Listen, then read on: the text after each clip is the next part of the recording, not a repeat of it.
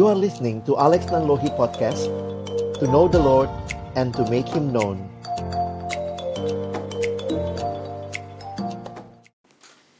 Halo teman-teman sekalian. Hai. Senang banget malam ini boleh sharing dengan teman-teman sekalian. Um, Sunday Fellowship dan ini gabungan luar biasa ya Tiga gereja. Petamburan, Cibinong, dan juga Gunung Putri. Saya pikir uh, ya ini kesempatan untuk sama-sama Tuhan rindu juga ya Membangun setiap pemuda dan remaja sama-sama kita di dalam Tuhan saya mengajak kita berdoa sebelum kita membaca merenungkan firman Tuhan. Mari kita berdoa. Kembali kami akan membuka firman-Mu ya Tuhan, bukalah juga hati kami. Jadikanlah hati kami seperti tanah yang baik, supaya ketika benih firman Tuhan ditaburkan, boleh sungguh-sungguh berakar, bertumbuh, dan juga berbuah nyata di dalam hidup kami. Berkati hambamu yang menyampaikan, setiap kami yang mendengar, dan juga diskusi di antara kami. Tuhan tolong agar kiranya melaluinya kami boleh semakin mengerti kehendakmu dan juga boleh hidup di dalam kehendak Tuhan secara khusus di dalam kami membangun relasi yang Tuhan berikan juga kepada kami dalam relasi dengan lawan jenis secara khusus. Kami menyerahkan waktu ke depan dalam nama Tuhan Yesus kami berdoa. Amin. Nah, teman-teman yang dikasihi Tuhan, saya coba siapkan um, presentasi PowerPoint buat kita malam hari ini dan saya berharap juga melalui uh, pembahasan ini nanti kita bisa tanya jawab juga. Tentu tidak semua uh, bisa langsung um, di-sharingkan begitu ya karena saya pikir namanya bicara relasi ini ya, ini perjuangan seumur hidup begitu ya. Jadi karena itu saya berharap teman-teman juga boleh terus di dalam Tuhan berdoa, bergumul dan juga tentunya uh, semakin bertumbuh di dalam Tuhan ya. Tema yang menarik malam hari ini kita bicara fully prepared. Ya, nggak ada sebenarnya yang benar-benar fully prepared ya, tapi kita mesti siap sedia karena dalam pengertian ini adalah sebuah perjalanan. Saya melihat perjalanan hidup rohani kita sebagai sebuah perjalanan yang di dalamnya teman-teman dan saya sedang terus menapaki kehidupan yang Tuhan berikan kepada kita. Nah, ada bagian uh, firman Tuhan yang saya ingin uh, tampilkan mengawali uh, kita sama-sama belajar malam hari ini ya. Nah, mungkin banyak yang merasa ah di Alkitab tuh ada nggak sih tentang uh, hubungan relasi seperti itu ya. Nah, kita lihat di Amsal 30 Amsal 30 ayat 18 sampai ayat yang ke-19. Ada tiga hal yang mengherankan aku. Bahkan ada empat hal yang tidak ku mengerti. Ya ini kata penulis Amsal. Jalan Raja Wali di udara, jalan ular di atas cadas, jalan kapal di tengah-tengah laut, dan jalan seorang laki-laki dengan seorang gadis. Wah, ini maksudnya apa sih? Ya, tapi waktu memperhatikan ini, ini menunjukkan kepada kita bahwa memang uh, di dalam relasi itu, mungkin kalau bahasa sederhananya nggak ada teorinya gitu kali ya, bahwa itu uh, sesuatu yang yang mengherankan, mengagumkan, beda seperti ilmu pasti, di mana kalau uh, ini maka hasilnya pasti ini gitu ya. Coba lihat dalam terjemahan yang lain, ini terjemahan bahasa Indonesia sehari-hari. Ada empat hal yang terlalu sukar bagiku untuk dimengerti. Burung Raja Wali yang terbang di udara. Kita nggak tahu dia GPS-nya mau ke mana dia ya. Ular yang menjalar di atas batu karang. Kapal yang berlayar di tengah lautan. Dan sepasang muda-mudi yang sedang jatuh cinta. Jadi penulis Amsal sendiri mengakui ya, kadang sulit untuk dipahami dengan tuntas ya. Kita tentu akan melihat prinsip. Tetapi nanti juga di dalam uh, realitanya tentu yang kita pegang prinsip tetapi memang tidak ada teori seperti mungkin sederhananya gini ya. Ada orang ngomong, "Wih, gile, ceweknya cantik banget. Cowoknya hmm, biasa aja gitu ya." Memang nggak ada teorinya kalau yang cantik dapat yang ganteng banget atau yang ganteng pasti dapat yang cantik. Cinta relasi tidak demikian adanya. Nah, di dalamnya unik dan di dalamnya juga saya pikir kita harus melihat dengan terbuka ya bahwa many surprises yang Tuhan izinkan. Tapi apakah tidak ada prinsip? Saya tetap yakin ada prinsip. Nah, salah satu prinsip yang penting di dalam relasi yang saya ingin kita pelajari malam hari ini adalah tentang prinsip love. Ya. Mari kita lihat sebentar tentang prinsip ini karena ini akan menjadi dasar yang sangat kokoh untuk relasi yang kita bangun. Ter, uh, sebenarnya ini berkaitan dengan semua relasi ya tentunya ya.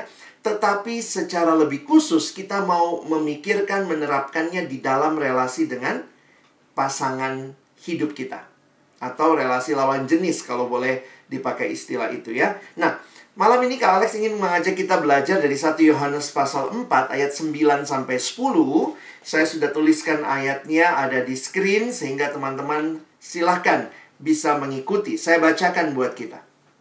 Dalam hal inilah kasih Allah dinyatakan di tengah-tengah kita, yaitu bahwa Allah telah mengutus anaknya yang tunggal ke dalam dunia, supaya kita hidup olehnya. Inilah kasih itu, bukan kita yang telah mengasihi Allah, tetapi Allah yang telah mengasihi kita dan yang telah mengutus anaknya sebagai pendamaian bagi dosa-dosa kita. Teman-teman perhatikan sebentar ayat 10-nya ya. Inilah kasih itu. Bukan kita yang telah mengasihi Allah, tetapi Allah lah yang telah mengasihi kita. Jadi menarik untuk kita perhatikan kalau kita membaca ayat 10 tadi, kita melihat bahwa ketika berbicara kasih, ketika berbicara love, maka Alkitab menyatakan kasih itu dimulai dari Allah. Dan nanti kalau teman-teman lanjut sedikit, ke bawah ada ayat 16, bahkan dikatakan Allah adalah kasih. Nah, ini menarik untuk kita perhatikan karena ketika dunia mau bicara tentang kasih, apa standarnya? Dan kita bersyukur sebagai umat Tuhan, kita punya firman Tuhan, kitab suci, kita punya Tuhan Yesus yang menjadi standar bagi kita. Di mana kalau kita mau bicara kasih, lihatlah Kasih itu dimulai dari Allah, dia nyatakan di dalam firman dan dia genapkan melalui kehadiran Tuhan Yesus Kristus. Teman-teman, kalau mau belajar tentang kasih bukan belajar dari drama Korea, ya. Mari belajar dari kitab suci. Mari belajar dari Allah sendiri because God is love. Dan yang menarik untuk kita perhatikan, ketika Alkitab berbicara tentang kasih, Nah, teman-teman lihat sebentar ya. Di dalam perjanjian baru secara khusus, hampir setiap kali istilah kasih muncul, kasih Allah itu muncul, selalu dikaitkan dengan tindakan yang Allah lakukan, yaitu mengutus anaknya. Alex ulangi ya. Hampir setiap kali Alkitab Perjanjian Baru berbicara tentang kasih Allah, maka Alkitab berbicara tentang Allah mengutus anaknya. Perhatikan ayat yang kita baca tadi ya. Lihat. Dalam hal inilah kasih Allah dinyatakan di tengah-tengah kita. Bagaimana? Allah tidak memberikan kepada kita definisi kasih itu adalah sebuah perasaan yang begini begini begini. Allah tidak memberikan kepada kita definisi kasih, tetapi yang dinyatakan ketika Alkitab berbicara kasih maka ditunjukkan apa yang Allah lakukan dan hampir selalu berkaitan dengan Allah mengutus anaknya. Perhatikan ayat 10. Demikian juga bukan kita yang telah mengasihi Allah, tapi Allah yang telah mengasihi kita. Bagaimana? Apa yang dilakukan? Dan yang telah mengutus anaknya. Setiap kali bicara kasih, itu dijelaskan dengan apa yang Allah lakukan, yaitu mengutus anaknya. Karena itu kita sering kali kalau mungkin membaca atau melihat ada semboyan yang mengatakan love is a verb. Kasih itu adalah kata kerja karena dikaitkan dengan tindakan Allah mengutus anaknya. Teman-teman masih ingat ya ayat yang terkenal? Yohanes 3 ayat 16. Karena begitu besar kasih Allah akan dunia ini. What next?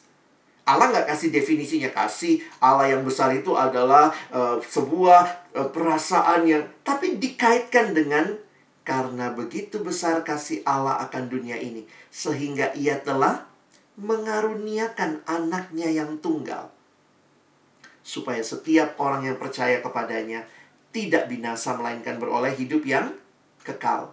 Jadi saya menyimpulkan bahwa ketika bicara kasih, Allah bicara tindakan yang dia lakukan.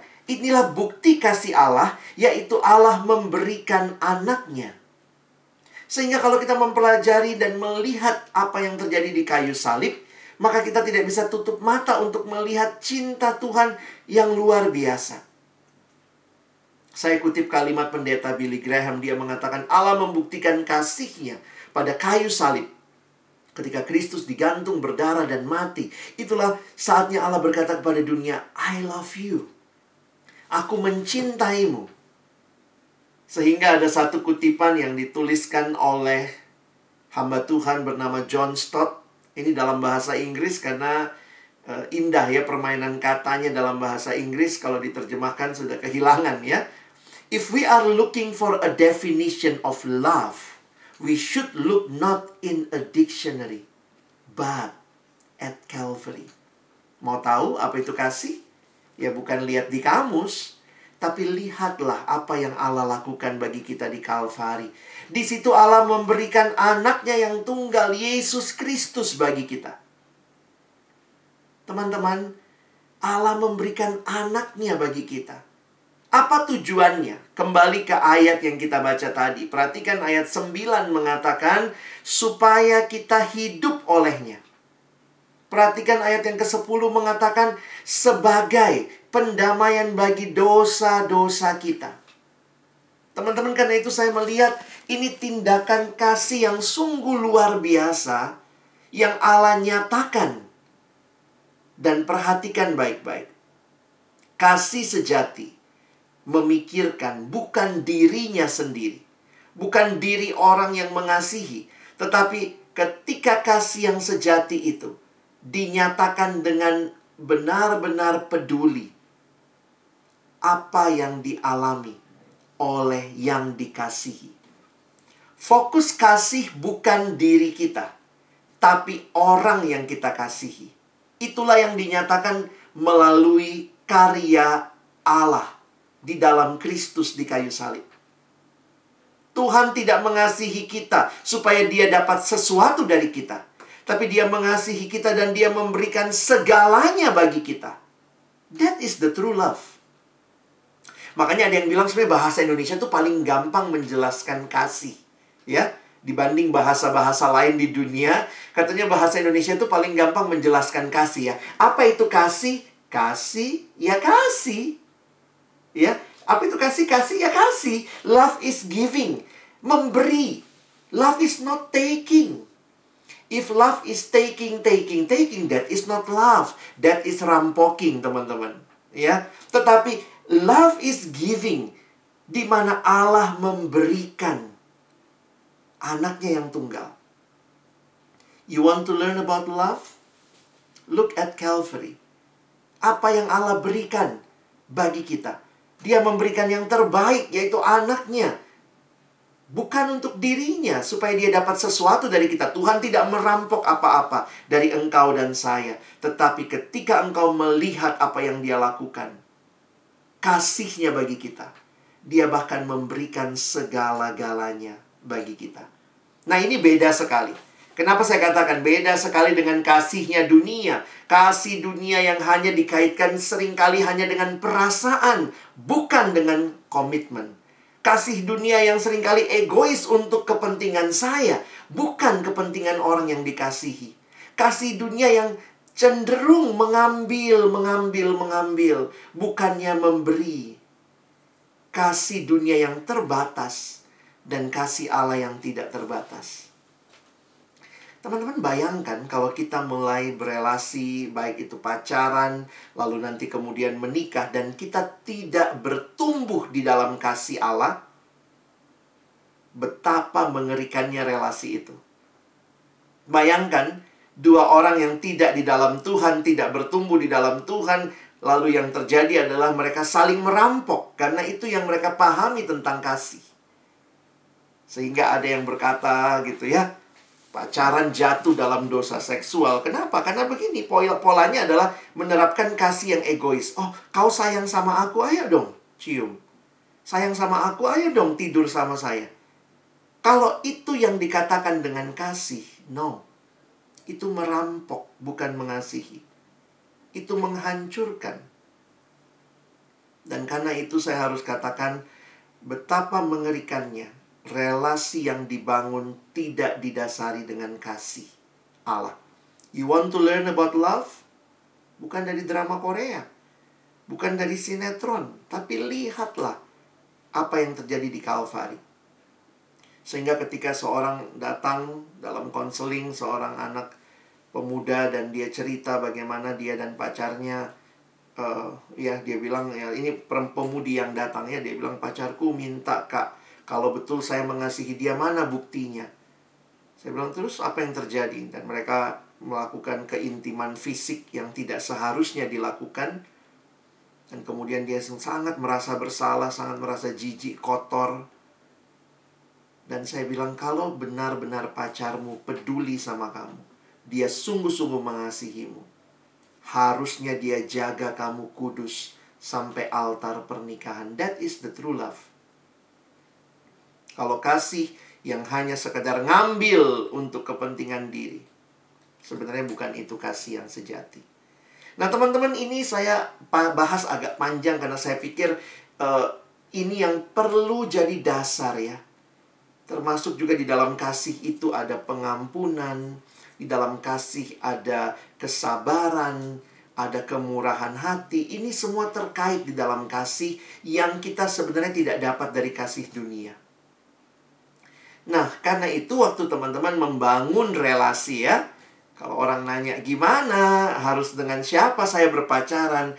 Kalau kalian perhatikan di Alkitab, kata sepadan sebenarnya konteks paling dekat baca kisah uh, sorry, baca kejadian pasal 2 Sepadan itu di situ muncul istilah pertama kali itu kaitannya ketika Adam sudah memberi nama semua hewan Lalu kemudian dia mengatakan uh, Alkitab menuliskan namun baginya tidak ditemui penolong yang sepadan. Teman-teman kalau lihat ayatnya, kalau kalian kita PA dengan baik, sepadan menurut Alkitab itu dari kejadian dua apa? Sepadan itu adalah sama-sama manusia sebenarnya gitu ya. Karena Ketika itu Adam memberi nama seluruh hewan, lalu dia nggak menemukan yang persis seperti dia. Makanya Alkitab bilang nggak ada penolong yang sepadan. Lalu kemudian Tuhan membawa Hawa dan kita menghayati bahwa itulah penolong yang sepadan bagi Adam. Berarti apa sepadan itu? Ya sama-sama manusia. Kalau bicara pernikahan ya lawan jenis begitu ya. Nah, tapi sering kali orang mengkaitkan kata sepadan sekarang itu dengan Oh kalau S1 harus sama S1 dong. Sepadan. Itu nggak ada di Alkitab konsep itu ya. Kalau lihat konsep di Alkitab sebenarnya yang paling dasar adalah sama-sama manusia. Kalaupun saya boleh tambahkan dari konteks love tadi, mungkin lebih tepat kalau saya katakan sama-sama bertumbuh di dalam kasih Tuhan. Kenapa? Memang belum ada dari kita yang sempurna mengasihi seperti Tuhan mengasihi kita. Kan kita diminta kasihilah sesamamu manusia juga. Nah, kita belum ada yang sempurna. Tetapi kalau bicara kesepadanan juga, saya melihat lebih tepat juga bicara sama-sama sedang bertumbuh di dalam kasih Tuhan. Beberapa kesepadanan yang kita suka bicarakan itu sifatnya lebih uh, latar belakang, sosial ekonomi, keluarga, bagaimana secara psikologis. Itu tidak ada prinsip langsung di Alkitab karena kata sepadan sebagaimana yang saya bilang baca kisah uh, kejadian dua itu hanya bicara manusia. Nah, waktu kita belajar lebih jauh tentang pentingnya love ini, maka kita pun jadi sadar bahwa ini bukan cuma sekadar harusnya bukan cuma sekadar sama-sama manusia, tetapi manusia yang bertumbuh di dalam Tuhan. Karena itu kalau mau cari pasangan yang sepadan, tambahkan ini. Bahwa dia cinta Tuhan dan tentunya cinta kamu juga gitu ya. Nah, kesepadanan dalam hal itu penting. Terang sama gelap makanya tidak bisa bersatu. Itu jelas dari prinsip firman Tuhan. 2 Korintus 6 ayat yang ke-14. Kadang-kadang kita masih mau juga tawar-tawaran Tuhan nggak apa-apa kok dia kan nanti bisa ikut saya. Tapi banyak orang bicara ikut saya, ikut saya lama-lama bisa jadi kamu yang ikut dia. Tuhan sendiri sudah memperingatkan jangan mempermainkan hal-hal yang berkaitan dengan ketidaktaatannya. Jadi kalau bicara kesepadanan, saya selalu ingatkan bahwa carilah sesama manusia dalam konteks berpacaran carilah lawan jenis dan kemudian carilah orang yang bertumbuh di dalam kasih kepada Tuhan. Dan itu yang sebenarnya akan menjadi dasar relasi yang baik. Bagaimana dengan kesepadanan dalam uh, latar belakang ekonomi, latar belakang keluarga, suku, itu semua sesuatu yang bisa jadi pertimbangan. Tetapi pakailah lensa kacamata Alkitab untuk bisa melihat dengan lebih luas, ya. Nah, kita masuk sekarang kepada pacaran ya. Kalau kita bicara bagaimana sih memulai relasi pacaran, di dalam kenyataannya remaja pemuda secara khusus memang untuk usia pemuda khususnya saya pikir sudah tepat lah untuk berpacaran ya. Nah, kalau kalian sudah kuliah ke atas, sebenarnya kalau masih SMP, SMA, nasihat ke Alex sih bersahabat dulu ya. Jangan buru-buru pacaran karena kita nggak mau juga pacaran terlalu lama. Karena kalau misalnya terlalu lama pacaran juga itu godaannya besar, teman-teman. Jadi saya sih secara pribadi tidak terlalu mendorong masih uh, eh, SMP, SMA gitu ya. Udah pacaran dalam arti akhirnya kita jadi sempit juga pergaulan karena biasanya beberapa orang yang uh, masuk dalam pacaran terlalu cepat itu biasanya akan menutup diri karena mau menghabiskan banyak waktu, banyak komunikasi hanya dengan pacarnya. Nah, tentu uh, bukan buat yang sudah pacaran gimana nih Kak? Uh, kata Kak Alex nggak? Ya kalau sudah terlanjur pacaran, nah saya ingatkan pakailah prinsip-prinsip ini. Lihat lagi pacaranmu, sudahkah mengikuti prinsip-prinsip yang firman Tuhan nyatakan bagi kita. Nah, yang mengerikan sebenarnya ketika kita hanya ikut tren, ya. Nah ini tren-tren sekarang nih Apa tuh pacaran? Oh semua orang pacaran Malu dong kalau jomblo terus gitu ya Jadi akhirnya pacaran cuma karena ikut tren Oh lumayan ada yang temenin ke mana-mana Wah saya ingat sekali satu waktu dulu uh, saya mimpin retret anak SMP ya. SMP tuh lucu ya. Cowoknya culun-culun masih kecil gitu ya. Karena kan cowok biasanya pubernya lebih telat ya ceweknya sudah mulai gede-gede, udah mulai maaf ya pakai kutang gitu ya, udah mulai pertumbuhannya lebih cepat tuh. Nah kemudian dalam retret itu saya ingat sekali uh, yang laki-laki itu masih lari-lari gitu ya, masih main tabrak-tabrakan gitu ya, lari nabrak orang begitu. Yang ceweknya sudah mulai apa sih, apa sih gitu ya. Nah teman-teman saya ingat waktu uh, dalam satu retret itu uh, ada anak yang datang kepada saya gitu Kak Alex boleh dong main-main ke kamar pembicara katanya ya retret anak SMP jadi uh, waktu istirahat makan makan siang dia tanya sama saya Kak Alex ngobrol-ngobrol terus dia nanya boleh nggak main ke kamar pembicara ya? Karena dia lihat kamar pembicara lebih besar kali ya. Kemudian saya bilang mau ngapain ke kamar saya? Iya kak, kita mau smackdown. Ternyata benar teman-teman ya, kira-kira uh, jam 2 setelah makan siang datanglah tiga anak ke kamar saya dan mereka uh, main smackdown gitu ya. Berdua lagi smackdown gitu ya di kan kasurnya lumayan besar lalu kemudian saya ngobrol sama satu anak. Saya ingat banget dia nanya begini sama saya. Menurut kak Alex boleh nggak kita pacaran? Nah ini anak kelas 1 SMP ya. Karena itu retret kelas 1 SMP saya pandangin dia dari atas sampai bawah gitu ya anaknya kan kecil gitu ya. Ya elah saya bilang dalam hati ya, celanamu aja nggak sampai bawah gitu ya. Celananya masih celana pendek gitu ya. Tapi menariknya dia nanya gitu, menurut Kalex boleh nggak kita pacaran? Nah sebagai pembimbing remaja yang baik, saya nggak langsung jawab. Saya tanya balik, e, emangnya tujuanmu pacaran apa? Terus dia ngomong gini ya, loh kalau saya pacaran itu kan kak, itu kan menambah semangat belajar. Teman-teman, kalau cuma nambah semangat belajar, lalu jawabannya pacaran, sedih amat gitu ya. Coba datangin uh, papa mamanya, om, tante, pinjem anaknya ya untuk nambah semangat belajar saya. saya pacarin om, tante, nanti kalau udah saya sudah semangat belajar, saya putusin gitu ya. Kadang-kadang kita jadi jadi lupa bahwa tujuan pacaran tuh bukan sekadar menambah semangat belajar. Kalau karena pacaran semangat belajar bertambah, ingat itu akibat bukan tujuan. Jangan jadikan itu sebagai tujuan pacaran cuma sebagai sekedar menambah semangat belajar. Mendengar dia ngomong begitu terus um, Kak Alex balas ya, saya bilang, "Hey, kalau cuma sekadar menambah semangat belajar, ayo minum cerebrofit gitu ya. Multivitamin menambah energi semangat belajar. Lalu kemudian saya ingat banget ya, yang lagi smackdown berdua di samping mendengar percakapan kami berhenti smackdown. Lalu kemudian nimbrung. Dan saya ingat banget anak itu yang satu ya, ada satu lagi yang lebih tengil lagi.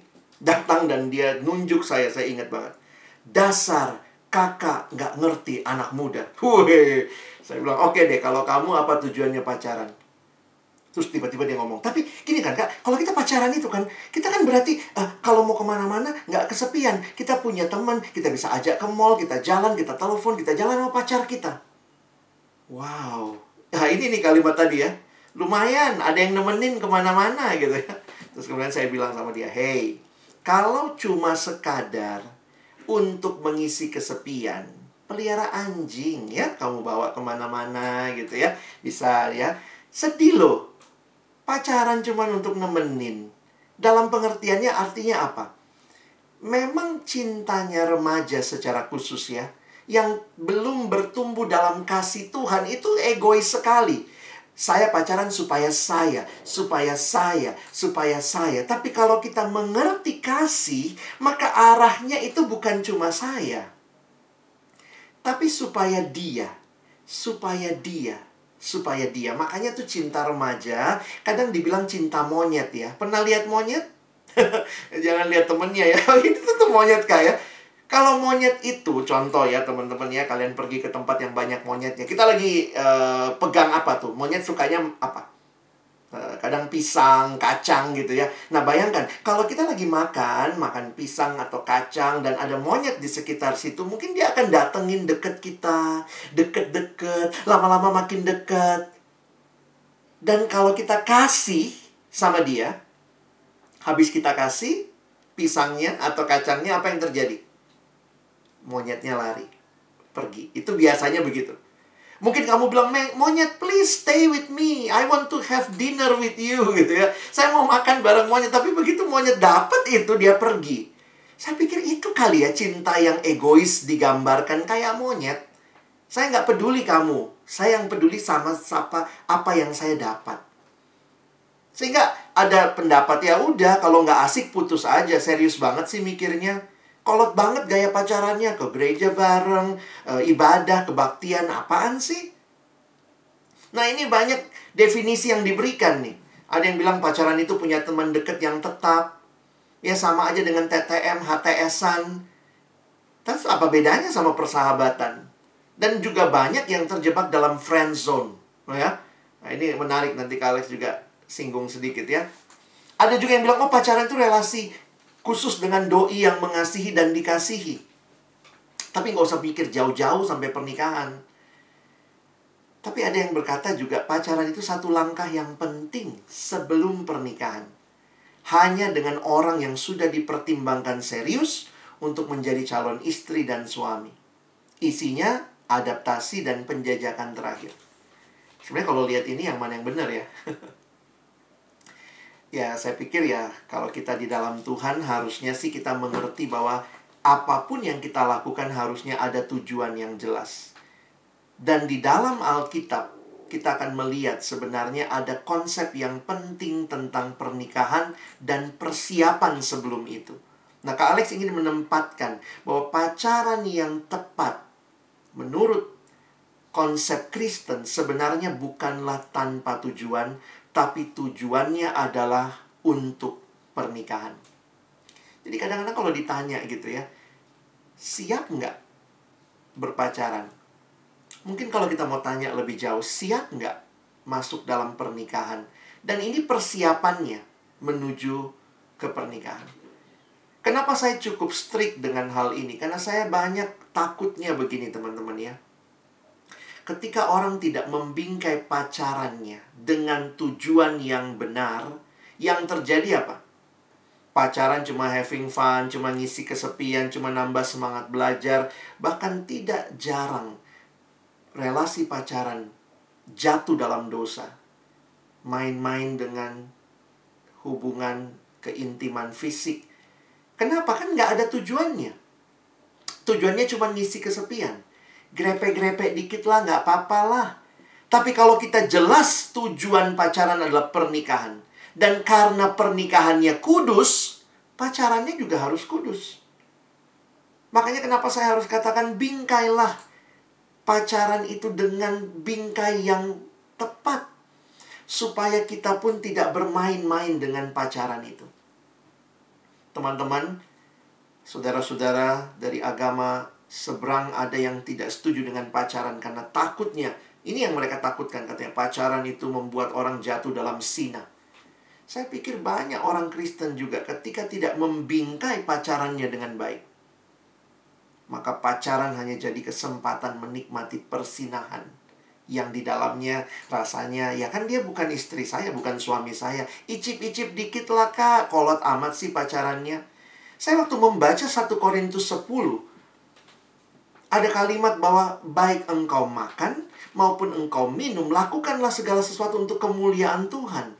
Waktu Kak Alex merenungkan ayat itu saya katakan Tuhan kalau hal yang receh amat kata anak sekarang ya. Makan itu kan receh Makan, minum itu mah hal yang very rutin Kalau makan dan minum saja harus untuk kemuliaan Tuhan Apalagi pacaran.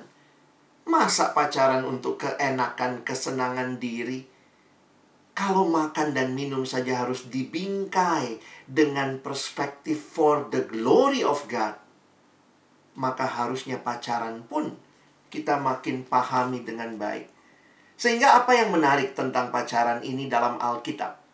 Sebenarnya di Alkitab tidak ada ayat yang bicara spesifik tentang pacaran karena kita dapat Alkitab kita dalam konteks budaya orang Yahudi yang tidak mengenal pada masa itu istilah pacaran. Ya, jadi karena itu kalau kita perhatikan mereka mengenalnya yang namanya pertunangan perjodohan. Tetapi bagi kita, kalau kita perhatikan, sebenarnya prinsipnya sama. Masih ingat orang tua Yesus, Maria, dan Yusuf? Mereka telah bertunangan. Tetapi dikatakan mereka belum hidup sebagai suami istri. Itu kebiasaan pada waktu itu. Sebelum orang itu resmi jadi suami istri, mereka pun melalui tahap yang namanya pertunangan. Setelah mereka dijodohkan oleh orang tua, mereka ditunangkan. Nah, sebenarnya pertunangan itu sudah dianggap sesakral pernikahan karena itu tidak boleh melakukan hubungan seks. Makanya ketika Yusuf tahu Maria mengandung di masa pertunangan itu, Injil Matius pasal pertama menulis Matius uh, Yusuf berniat menceraikan Maria diam-diam. Tetapi kemudian malaikat menampakkan diri dan berkata, "Jangan ceraikan dia, Maria mengandung dari Roh Kudus." Karena itulah kalau kita perhatikan, teman-teman bisa melihat bahwa pertunangan itu apa sebenarnya fungsinya. Di dalam kehidupan masyarakat Yahudi, pertunangan itu menjadi kesempatan mengenal. Ya, kesempatan mengenal sebelum mereka hidup sebagai suami istri yang sah yang memang sudah uh, sebenarnya pertunangan itu udah dianggap sah juga ya makanya uh, itu satu tahap yang sangat berbeda dengan konsep kita tapi yang saya mau garis bawahi di dalam masa itu ada masa mengenal jadi sama juga kalau kita bawa ke masa sekarang, kita kan nggak ditunangkan ya, atau ada juga yang masih ditunangkan. Tetapi kemudian ada masa mengenal. Nah, mungkin waktu itu, dalam konteks waktu itu, masa mengenalnya disebut dengan pertunangan. Nah, buat kita sekarang, masa mengenalnya kita sebut dengan pacaran. Jadi, sebenarnya di sinilah kita harus membingkai kembali bahwa memang ketika bicara pertunangan, bicara pacaran, ini tidak sekedar bicara having fun. Ini bukan kesempatan nikmati uh, keindahan uh, romantisme belaka, tapi kita sedang membingkai sebuah relasi yang kita rindukan berakhir dalam pernikahan. Kan itu prinsip teman hidup, ya tentu lawan jenis, penolong yang sepadan tadi kalau Kak Alex sekali lagi membingkai bahwa itu berarti sama-sama manusia dan sama-sama bertumbuh kalau kita mau pakai kriteria yang paling basic, ya. Karena kriteria lain yang kadang-kadang kita tambahkan itu sebenarnya nggak prinsipil ya. Misalnya ada yang bilang, pokoknya saya harus lebih tinggi dari pasangan saya. Saya kan laki-laki, masa dapat yang lebih pendek? Saya bilang, kenapa begitu konsepmu? Pernah saya tanya satu anaknya, kok begitu konsep kamu? Dia bilang, iya kan kata Alkitab harus sepadan. Hah? Jadi sepadan itu sama tinggi. Nggak begitu, Alkitab nggak bicara sepadan adalah sama tinggi. Ada yang bilang, iya kak, saya kan S1. Dia sudah S2. Kami nggak sepadan. Nah ini sepadan yang kita bikin-bikin Artinya kita tambah-tambahin ke dalam kesepadanan. Memang hal-hal itu pasti bisa jadi pertimbangan. Tapi itu bukan prinsip yang penting bicara kesepadanan. Kesepadanan itu berarti sama-sama manusia Khususnya pernikahan harus lawan jenis Dan perhatikan Dia harus hidup di dalam Tuhan. Makanya itu prinsip berikutnya Sesama orang percaya. Jadi tujuannya untuk pernikahan dalam kasih dalam kekudusan dan harus memuliakan Tuhan. Kenapa harus kita berpikir serius tentang ini? Oh kak, saya mah masih belum pacaran. Saya juga ikut malam ini karena dapat undangan disuruh. Uh, gimana ya? Ya inilah tema kita ya. Let be prepared. Ya, fully prepared. Belum. Jadi ya sebelum kita masuk dalam dalam benar-benar pacaran buat teman-teman yang belum pacaran. Nah, ini persiapannya supaya kalian tidak sekadar menganggap dan melihat pacaran sebagai sekadar isi waktu. Bagaimana untuk yang sudah pacaran? Nah, kiranya pemahaman ini menolong teman-teman juga untuk membingkai lagi pacaranku apakah sudah sesuai atau tidak. Karena dampaknya itu bagi pribadi. Kamu makin bertumbuh atau makin mundur secara rohani. Harus dilihat juga tuh. Dan dampak terhadap persekutuan karena kita anak-anak Tuhan, kita hidup dalam persekutuan sesama orang percaya. Apakah pacaran kita jadi teladan atau jadi batu sandungan? Nah ini ayat yang tadi Kak Alex kutip ya. Jika engkau makan, minum, atau melakukan sesuatu yang lain. Nah saya menafsirkan termasuk pacaran. Lakukanlah semuanya itu untuk kemuliaan Tuhan. Nah, Sebenarnya bagaimana kita memulai relasi pacaran ya? Saya pikir sih dalam anugerah Tuhan, ketertarikan kepada lawan jenis itu Tuhan berikan ya dalam pertumbuhan secara khusus ketika kita sudah mulai akil balik ya, ketika sudah mulai mengalami puber. Kalau masih kecil kan beda ya. Kalau masih kecil tuh anak TK misalnya ya, saya ingat ada dulu ponakan saya, saya tanya sama dia, "Kamu siapa?" pacarnya. Nah, anak anak TK dia cewek ya dia sebutin semua laki-laki di kelasnya si si Rian, si ini, si ini, si Tony itu pacarku. Waduh, ya itu kalau anak kecil kan semua pacar dia kan. Nah, cuma kalau sudah bertumbuh dewasa semua pacarmu ya kamu juga agak masalah berarti ya. Tapi mulai ada ketertarikan. Mulai susah tidur, mikirin ya.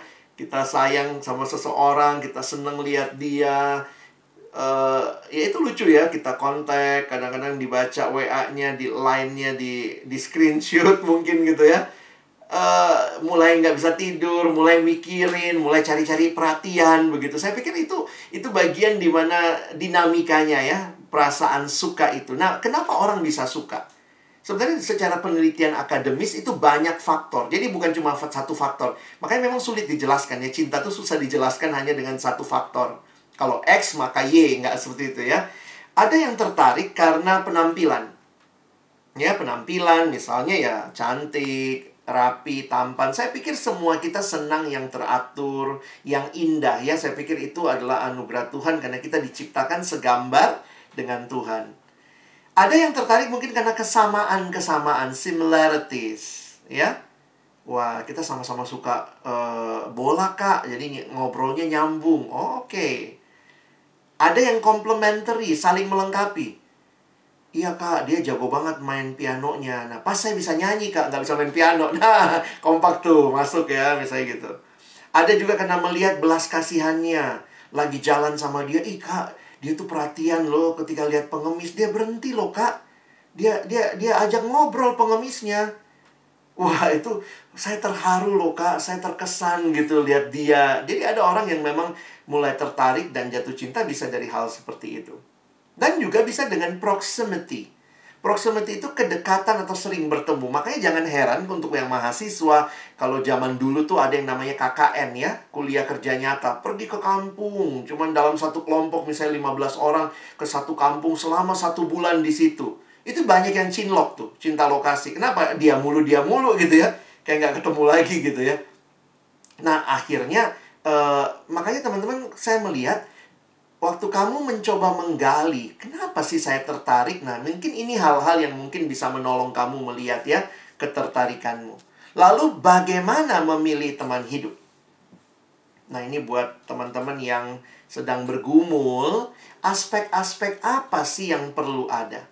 Nah, Kak Alex ingin ajak kita berpikir sebenar, se, se, sebentar berkaitan dengan hal ini karena bagi saya generasi tertentu biasanya senang hanya mengkaitkan dengan uh, satu hal saja. Misalnya ya ini ini kan generasi apa ya sekarang banyak banget istilahnya buat kalian ya generasi baper lah, uh, bucin lah gitu ya. Generasi yang lagi tapi apa pun istilah yang dikatakan saya coba melihat kenapa itu yang dikaitkan dengan kalian. Karena nampaknya dalam generasi ini aspek yang sangat ditekankan dari empat hal ini, ya perhatikan ya, aspek yang sering kali sangat ditekankan dalam memilih teman hidup itu aspek nomor satu saja, perasaan. Padahal ingat, perasaan itu hanya satu dari empat aspek yang perlu jadi pertimbangan. Kenapa begitu? Kadang-kadang memang uh, ya memang jatuh cinta itu kan sulit didefinisikan perasaan itu sangat mendominasi. Nah, ditambah lagi dengan film-film, lagu yang ada di generasi sekarang yang membuat orang merasa perasaanlah segala-galanya. Saya tidak katakan memilih teman hidup nggak butuh perasaan, tapi harus ingat perasaan bukan segala-galanya. Harus ada pertimbangan lain juga. Karena itu, teman-teman, uh, karena gini loh, Kak Alex pernah ketemu orang yang apa-apa ngomongnya harus dapat chemistry-nya, Kak. Chemistry-nya gitu ya. Saya bilang, oke okay lah, kamu dapat chemistry-nya. Tapi lihat loh, ingat baik-baik. Misalnya waktu itu kan dia sangat bicara chemistry. Tapi saya tahu ini tidak seiman. Saya bilang, kamu bicara chemistry nomor satu, kamu nggak bicara nomor empat. Hati-hati, hanya bicara chemistry, saya pikir kamu di, dikunci dalam satu kamar dengan satu lawan jenis juga kalau tiap hari komunikasi bisa tertarik juga. Makanya jangan cuma bicara masalah chemistry. Beberapa orang saking bicara chemistry, perasaan, lupa pakai akal sehat. Oh, ada yang seperti itu. Kak Alex pernah ketemu ada yang merasa begini, Iya kak, saya sayang banget. Pokoknya saya bener-bener sayang sama dia kak. Pokoknya nggak ada yang lain. Karena ternyata obsesi dia ada dalam orang itu. Jadi saya bilang sama dia, kamu itu dikasarin. Dia pernah ditendang, jatuh dari motor. Ini perempuan ya. Cowoknya tendang dari motor. Cowoknya kalau marah ngomongnya kasar, kebun binatang keluar semua. Tapi waktu ngobrol, konseling gitu, saya bilang ya udah, kalau gitu selesaikanlah relasimu. Ini nggak sehat. Tapi aku sayang banget sama dia, Kak. Hmm, saking sayangnya nggak pakai otak, nggak pakai akal. Nggak ngeliat bahwa ini, bayangkan pacaran aja sudah begitu, gimana menikah? Mau KDRT. Nah, jadi mesti kita paham juga. Ada yang saking penyerahan kepada Tuhan juga nggak pakai akal sehat, nggak pakai perasaan. Karena penyerahan kepada Tuhannya juga nggak tepat. Satu adik yang pernah saya layani dengan konteks dia waktu itu dia cerita lah dia juga ngalamin kekerasan walaupun secara verbal ya. Dia bilang kalau pacarnya marah ngomong begini-begini. Akhirnya saya bilang gini, pertimbangkan ulang hubungan kalian. Teman-teman tahu dia jawabnya apa? Masa mesti putus sih kak? Dia kan, waktu saya mulai relasi sama dia kan saya berdoa. Dia kan jawaban doa. Saya bilang sama dia, ingat kamu masih pacaran selama pacaran terus gumulkan. Jangan berpikir karena sudah didoain di depan, maka nggak ada lagi ke belakang ke belakangnya. Terus harus berdoa sampai pernikahan. Kalau sudah pernikahan ya sudah, itu no turning back. Tapi kalau masih pacaran, jangan bilang ini kan jawaban doa. Udah jelas-jelas kamu dikasarin, kamu tidak diperlakukan dengan tepat. Jadi jangan melihat jawaban doa seolah-olah membenarkan semua tindakannya. Karena itu saya katakan bergumul bukan hanya di awal mau pacaran, tapi sepanjang menjalani teruslah bergumul dengan mempertimbangkan aspek-aspek ini. Gimana komunikasi dengan dia? Ya, ini manusia, bukan barang, harus ada komunikasi. Jadi akal sehat dipakai, perasaan dipakai, komunikasi, penyerahan sama Tuhan. Ini harusnya membingkai kita memilih teman hidup. Jadi saya harap teman-teman jangan jangan terjebak hanya lihat satu. Tapi harus lihat semuanya, ya. Dan uh, mungkin lebih lanjut sebagai bagian terakhir karena beberapa hal saya pikir nanti kalian bisa baca materinya sudah dibagikan juga buat teman-teman yang sedang bergumul, tahapannya seperti apa? Sebenarnya kalau bicara tahapan sekali lagi ya, sebenarnya nggak ada teorinya saklek-saklek banget gitu ya. Tapi saya coba menggumulkan bagi kita orang percaya, tentu tanda kutip ya, yang pertama kamu mesti punya prinsip. Jadi di sinilah kamu bicara kriteria. Tentu yang seiman. Eh, yang pertama ya lawan jenis tadi ya, lawan jenis karena sekarang lawan jenis penting ya. Jangan sampai, ya mbak, kak, kami seiman, tapi kamu satu gender gitu. Nggak bisa ya. Jadi lawan jenis, seiman, dan saya harus tambahkan, harusnya bertumbuh dalam kasih kepada Tuhan. Nah, sesudah kita mungkin bertemu dengan orang yang seperti ini, mari mulai doa pribadi. Nah, sesudah doa pribadi bagaimana? Tentunya carilah kesempatan bisa berbicara, bisa komunikasi, dan akhirnya dalam komunikasi itu makin mantep. Nah, ajaklah berdoa bersama, dan akhirnya mengambil keputusan. Memang terkesan dalam konteks budaya timur yang harus menyatakan laki-laki. Sehingga misalnya yang mengajak doa bersama, ayo kita doa sama-sama misalnya, kan ditunggunya laki-laki dong yang harusnya mengajak. Tapi saya harus berpikir juga, bahwa kita terbuka ya kalau apalagi kalau sudah dekat harusnya kita bisa sama-sama bertanya ini akan seperti apa hubungan kita? Dan termasuk masalah mengambil keputusan. Jangan cuma doa bersama tapi nggak jelas sampai kapan doanya ya. Dan apakah memang ini menjadi sesuatu yang akan dilanjutkan ke tahap yang lebih serius atau tidak? Nah jadi teman-teman saya juga ingin memberikan satu tips tadi soal pertemanannya Kak Alex harus katakan hati-hati kedekatan tanpa komitmen. Antara lawan jenis, saya percaya antara lawan jenis bisa tetap bersahabat. Tapi kalau sudah masuk ke dalam perhatian yang berlebihan, dan kalau itu tidak ada komitmen, kadang-kadang ada orang yang senang terjebak dalam friend zone. Iya, e, menikmati, ditanyain udah makan, apa kabar gitu ya. Terus saya nanya, itu pacarmu? Bukan sih kak. Loh, kalau bukan pacar kenapa perhatian sedalam itu? Dan ingat, itu membuat baper pasti. Jadi ketika akhirnya misalnya tidak ada relasi, tidak ada komitmen, ini relasinya mau disebut apa? Kalau teman, maka ada batasan. Jangan seperti itu berteman. Karena kamu akan membuat dirimu juga jadi baper sendiri. Dan kenapa itu penting? Karena waktu ada batasnya, kita jadi tahu. Karena relasi dekat lawan jenis tanpa komitmen itu cenderung menyakiti. Saya udah ketemu banyak kasus, banyak cerita dan itu balik, balik lagi cenderung menyakiti. Jadi Alex ketemu dengan beberapa yang ngalamin, saya bilang kenapa kau sakit? Iya kak, dia dulu perhatian banget, tiba-tiba dia jadian sama orang itu. Saya bilang dia pacaran sama kamu. Enggak. Tapi kami deket lah. Terus dia jadian, kan bukan pacarmu. Iya kak, tapi dia kayaknya mengkhianati persahabatan. Ah, jangan ngomong begitu ya. Saya juga harus katakan kamu yang akhirnya tidak membuat batasan dengan baik. Nah, jadi ini kira-kira uh, beberapa prinsip yang uh, nanti waktu kita diskusi kita bisa lihat lagi ya. Mungkin ada hal-hal lain yang teman-teman juga sedang alami. Bagaimana kalau belum punya pacar? Ya bersyukur aja nikmati waktu ini. Berdoalah seperti kebutuhan yang kita sadari Tuhan saya butuh teman hidup pertemukan dengan orang yang tepat pada waktunya, tidak usah buru-buru, pertimbangan dengan tepat, dan dalam waktu Tuhan, biarlah kamu siap menjalani masa pacaran dengan tujuan yang jelas, yang di dalamnya kamu bangun dalam kondisi relasi yang baik. Mungkin itu dulu dari saya. Terima kasih. Silakan kalau kita bisa sharing dan tanya jawab ya. Thank you. Iya, terima kasih Bang Alex buat sharingnya. Kita akan buka sesi tanya jawab ya, Carol ya. Iya, bener banget.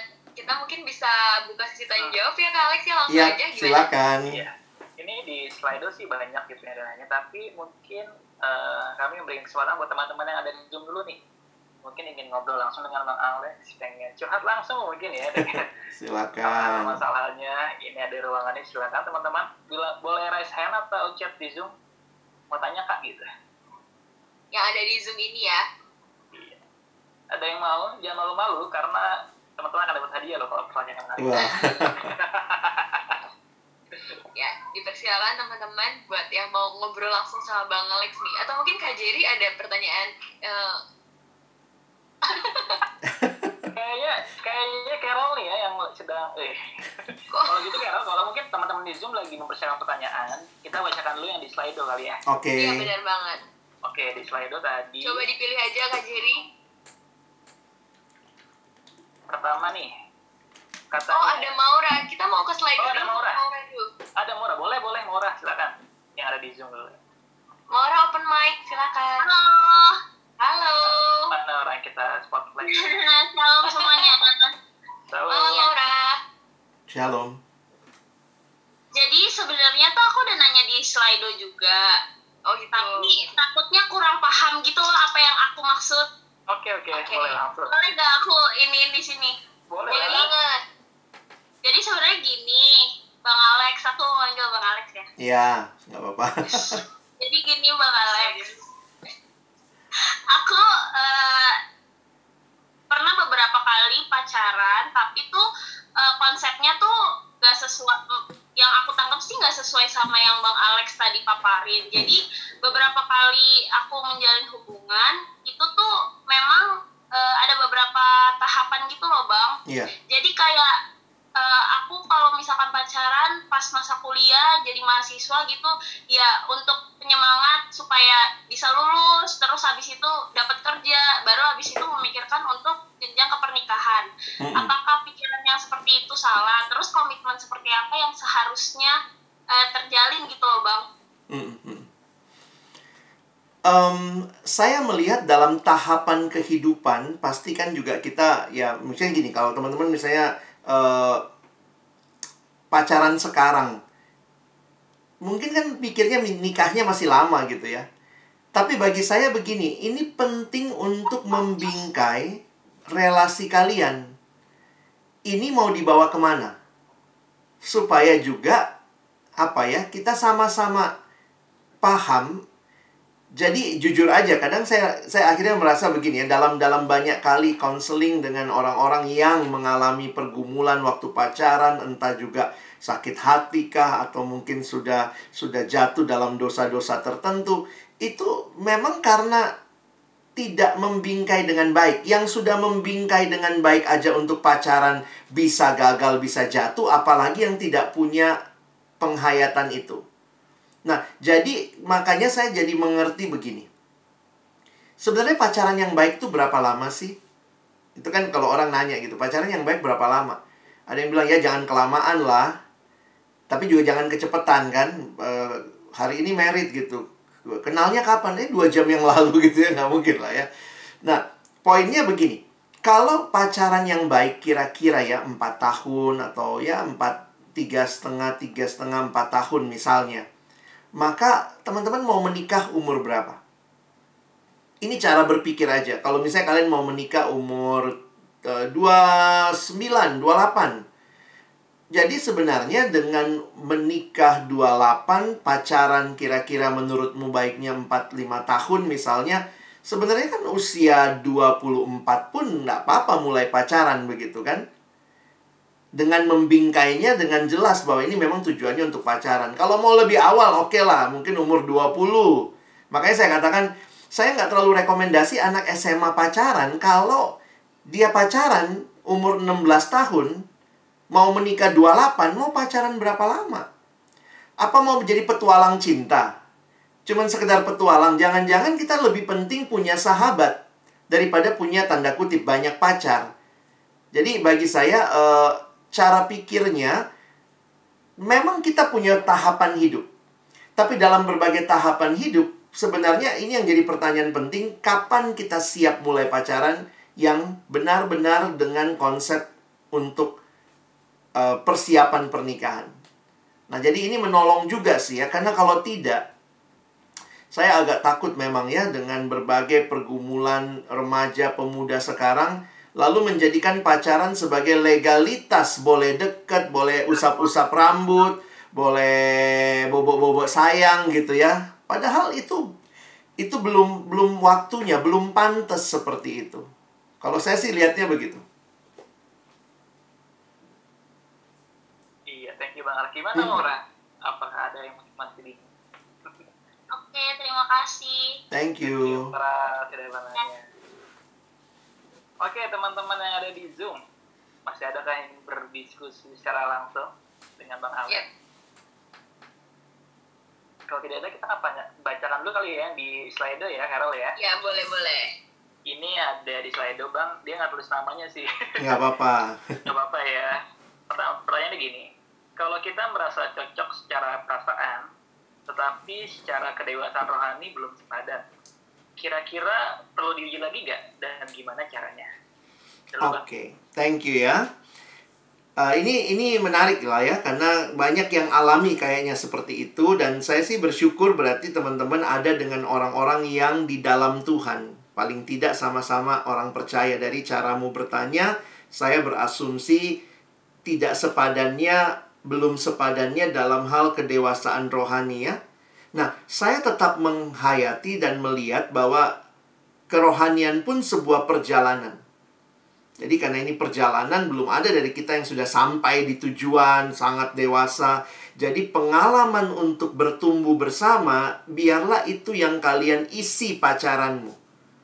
Jadi buat teman-teman yang mungkin melihat gitu ya, aduh ini pasangan saya dia anak Tuhan sih, tapi belum sungguh-sungguh misalnya dia belum belum punya kerinduan baca Alkitab, belum punya kerinduan untuk uh, ikut pembinaan, gimana dong kak? Tapi uh, dia ke gereja masih mau misalnya, misalnya gitu ya. Nah, saya pikir kita bisa terbuka untuk melihat bahwa kerohanian itu sebuah perjalanan. Nah ini di sinilah yang uh, Kalex bilang tadi ya kadang nggak ada teorinya. Ada orang-orang yang pacaran lalu bertumbuh bersama. Ada orang yang pokoknya dia bertumbuh dulu ya. Atau ya gue pengen lihat dia bertumbuh dulu nanti baru gue pacarin kira-kira seperti itu ya. Nah menurut saya itu itu sangat tergantung cerita masing-masing. Nah tapi di sinilah pentingnya. Ini menurut saya pentingnya peran komunitas. Ada abang-abang atau kakak rohani, ada pendeta, ada orang-orang yang mungkin secara rohani lebih dewasa, biarlah teman-teman menjadikan mereka sebagai eh, teman-teman yang kita bisa dengar nasihatnya. Apalagi kalau orang itu kenal kalian berdua, saya pikir itu lebih baik. Nah, memang pada akhirnya keputusan itu kita yang ambil. Tetapi saya ingat kalimat di Amsal, rancangan itu terlaksana kalau banyak pertimbangan. Jadi saya pikir ini perlu kita pakai juga. Kita tanya pertimbangan orang-orang yang kenal kita. Aku senang sama dia, tapi kayaknya dia belum terlalu bertumbuh. Menurutmu seperti apa? Dia mungkin ada yang kasih masukan oh nggak apa-apa kok nanti dia mau ikut kelompok kecil nanti gue yang megang dia nanti kalau lu sama dia ya nanti dibimbing. Atau ada yang bilang e, ya jangan dulu lah sama dia kayaknya dia masih banyak pergumulan pribadinya mungkin dia beresin dulu deh minta tolong siapa yang nolongin dia nanti sesudah itu lu lihat 6 bulan lagi mungkin lu pertimbangin lagi. Nah itu akan sangat banyak nasihat yang mungkin akan menolong kita sebelum kita memutuskan. Jadi uh, ini agak kasus ya. Jadi prinsipnya adalah tetap merindukan orang itu bertumbuh dan sebenarnya perjalanan rohani belum ada yang sangat dewasa, kita sedang berjalan bersama. Nah, teman-teman yang harus gumulkan.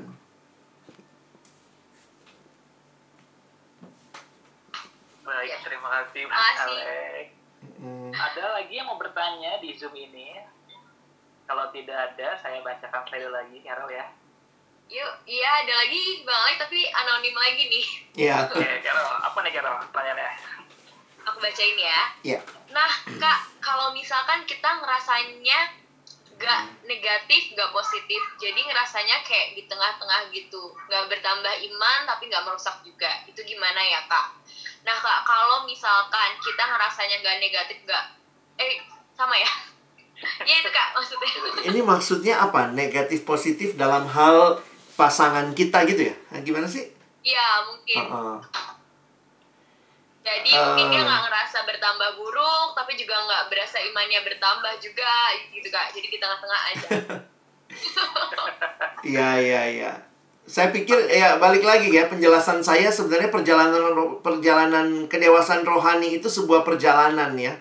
Sehingga ini juga bukan hanya waktu pacaran tapi waktu menikah juga. Nah, beberapa kali Kak Alex kasih masukan begini kali ya buat teman-teman yang mungkin lagi dalam pergumulan seperti itu ya.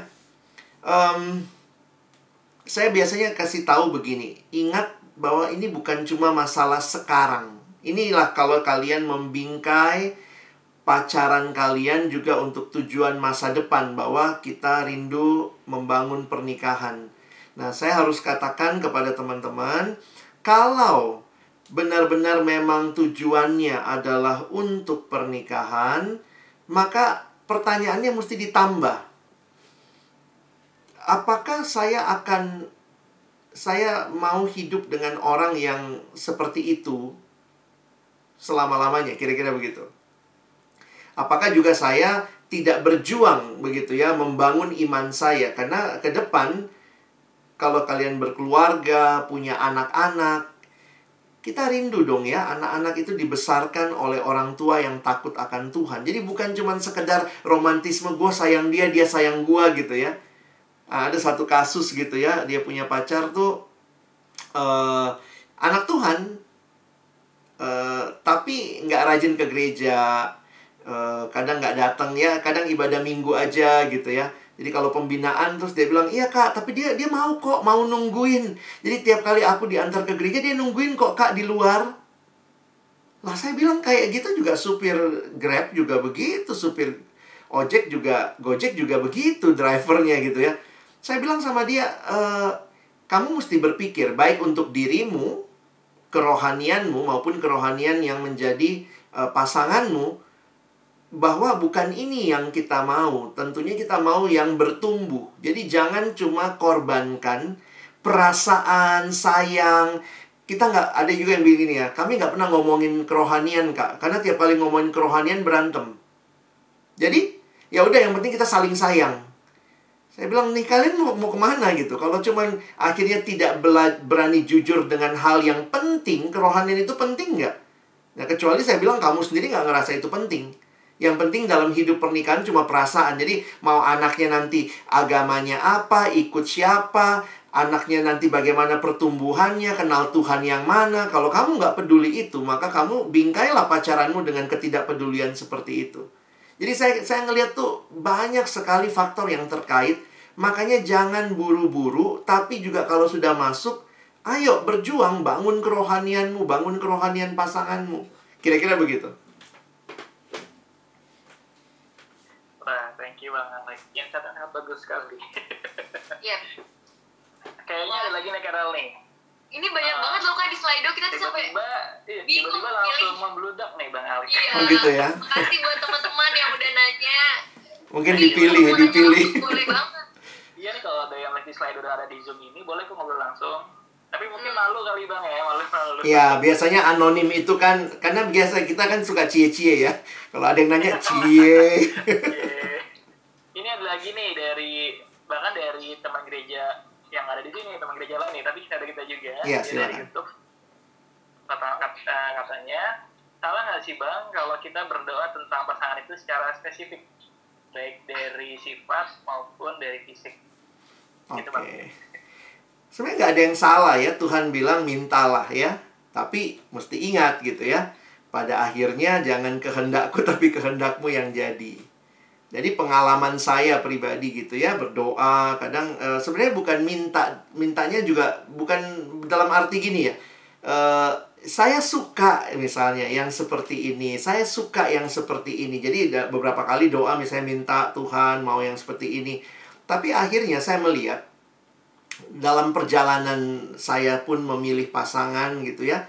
Tuhan menolong untuk melihat kayak gini ya. Tuhan kayak berbicara kepada saya Lex, yang paling penting apa? Karena kadang-kadang ada hal-hal yang kita mau, kita jadi melupakan prinsip dasarnya. Sebenarnya yang paling mendasar adalah dia hidup di dalam Tuhan. Dia anak Tuhan, dia hidup di dalam Tuhan. Kalau mungkin tidak sesuai, saya pengennya dia uh, apa?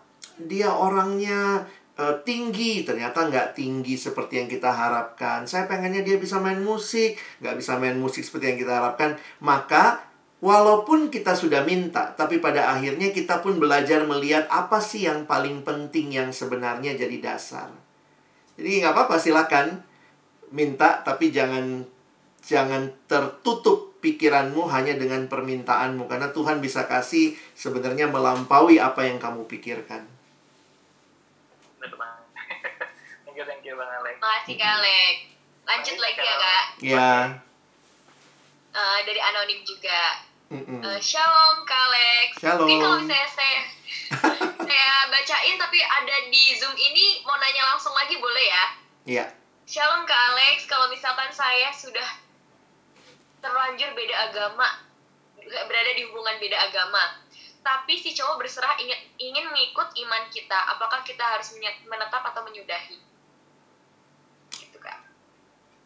Kita butuh kita butuh komunitas yang benar-benar bisa jadi gini ya um,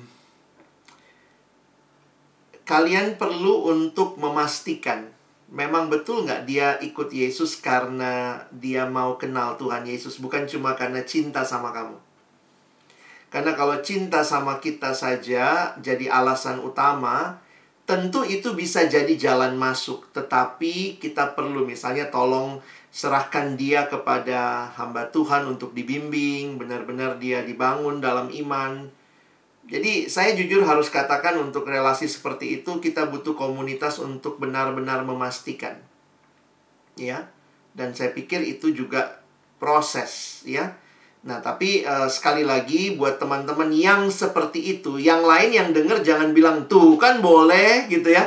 Ini bukan jadi jangan menjadikan kasus terlanjur, ini kan tadi saya sudah terlanjur. Beda dengan waktu saya mau memulai. Kalau kamu memulai sudah dengan konsep begini, saya udah tahu. Ah, tapi saya mau coba ah. Mau coba nggak setia sama Tuhan, mau coba main-main sama yang nggak nggak nggak sesuai dengan kehendak Tuhan. Saya takutnya itu membuat kamu jatuh lebih dalam. Tapi buat teman-teman yang tanda kutip nih, sadar kali ini, oh terlanjur, lalu kemudian dalam keterlanjuran itu benar-benar yang satunya mau ikut, maka pastikan dia dibimbing dan benar-benar ikut Tuhan karena dia rindu, bukan karena sekadar cinta sama kita.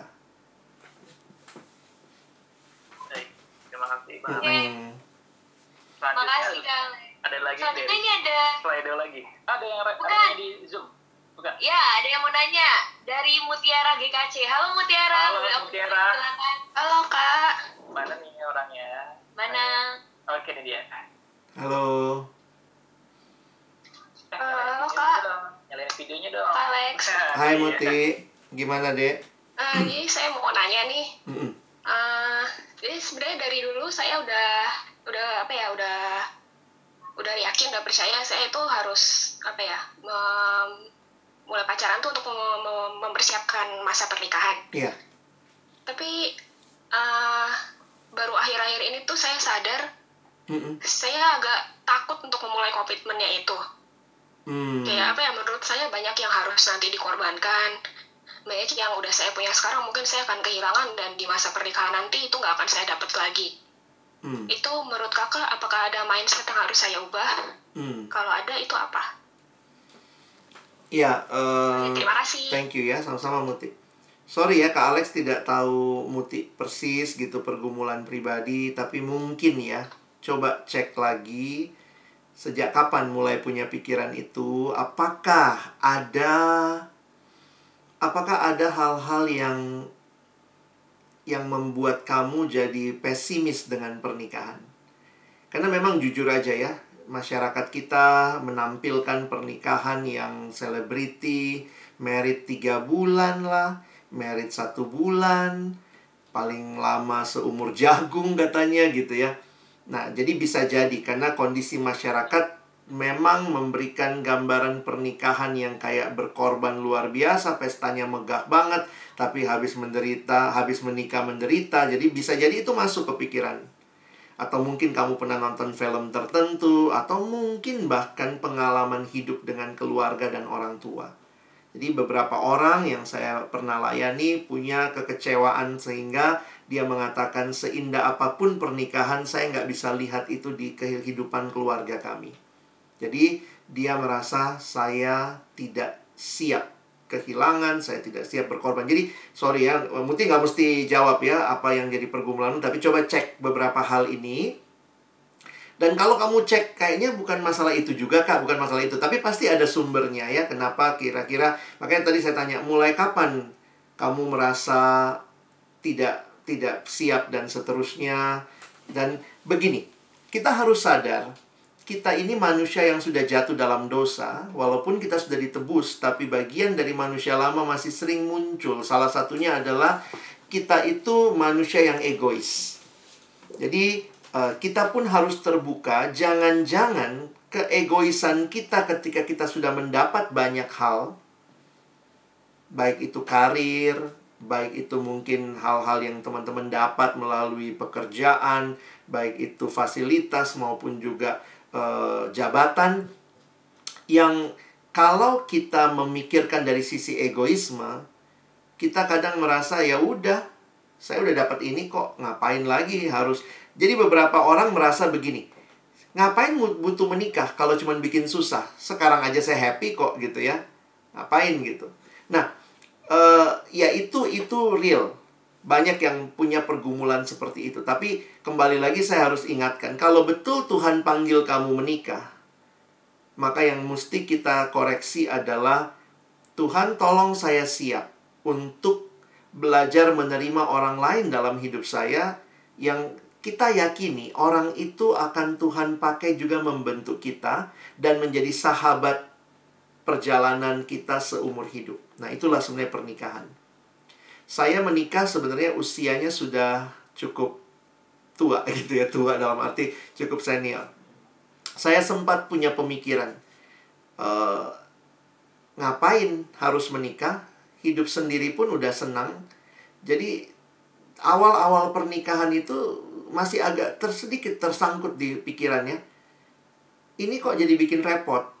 Ini kok jadi membuat orang jadi ada orang baru yang masuk dalam hidup kita yang dulu kita cuma sendiri, sekarang harus mikirin dia dan seterusnya. Tapi ternyata setelah saya lewati itu cara Tuhan membentuk saya lebih daripada sekadar membentuk pasangan saya.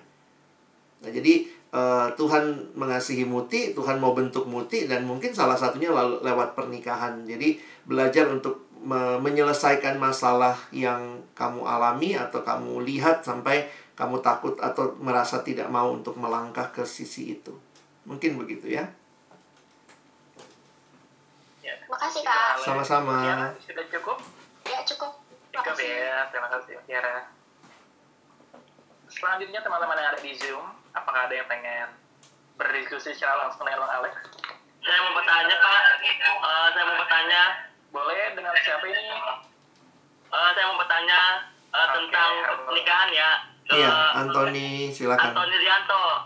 Ya, Tony silakan. Eh, kalau kalau mau kalau pacar ya kalau mau kalau pacaran dari beda agama atau nikah agama kira-kira berbeda nggak kalau kita beda keyakinan gitu kalau menikah? Misalnya dari A ke Muslim kalau B ke Buddha ke C ke misalnya ke begitu misalnya ya kalau dari Muslim ke Kristen mungkin mungkin dari itu saja dari Anton kasih Tuhan Yesus memberkati Makasih Anthony. Oke, kasih, Anthony, makasih. Di dalam negara kita ada hukum, ya, ada hukum juga yang sebenarnya tidak mudah untuk pernikahan beda keyakinan. karena di dalam eh, hukum hukum pernikahan itu eh, sekarang pencatatan sipil itu kalau teman-teman juga mungkin tanya hamba Tuhan di gereja ya pencatatan sipil itu dilakukan biasanya sesudah pernikahan agama jadi misalnya pemberkatan dulu itu itu aturannya pemberkatan dulu baru dicatat secara negara. Kenapa? Karena ada hukum di negara kita bahwa yang bisa dicatat di dalam pernikahan negara kita itu harus satu agama. Jadi ada hukum seperti itu sehingga memang beberapa orang yang mau katanya ya mau pegang agama masing-masing itu mau nggak mau pergi menikah di tempat lain karena tidak ada uh, hukum itu nggak ada di Indonesia.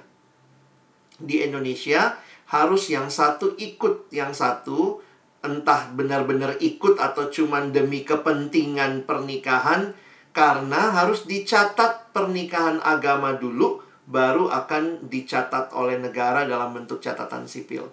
Jadi ini ini teman-teman harus jujur juga kita terbuka untuk melihat sebenarnya kita bersyukur hukum hukum di negara kita menolong kita juga untuk uh, benar-benar melihat ini penting nih hukum apa uh, pernikahan yang didasari oleh uh, pemahaman keyakinan yang sama.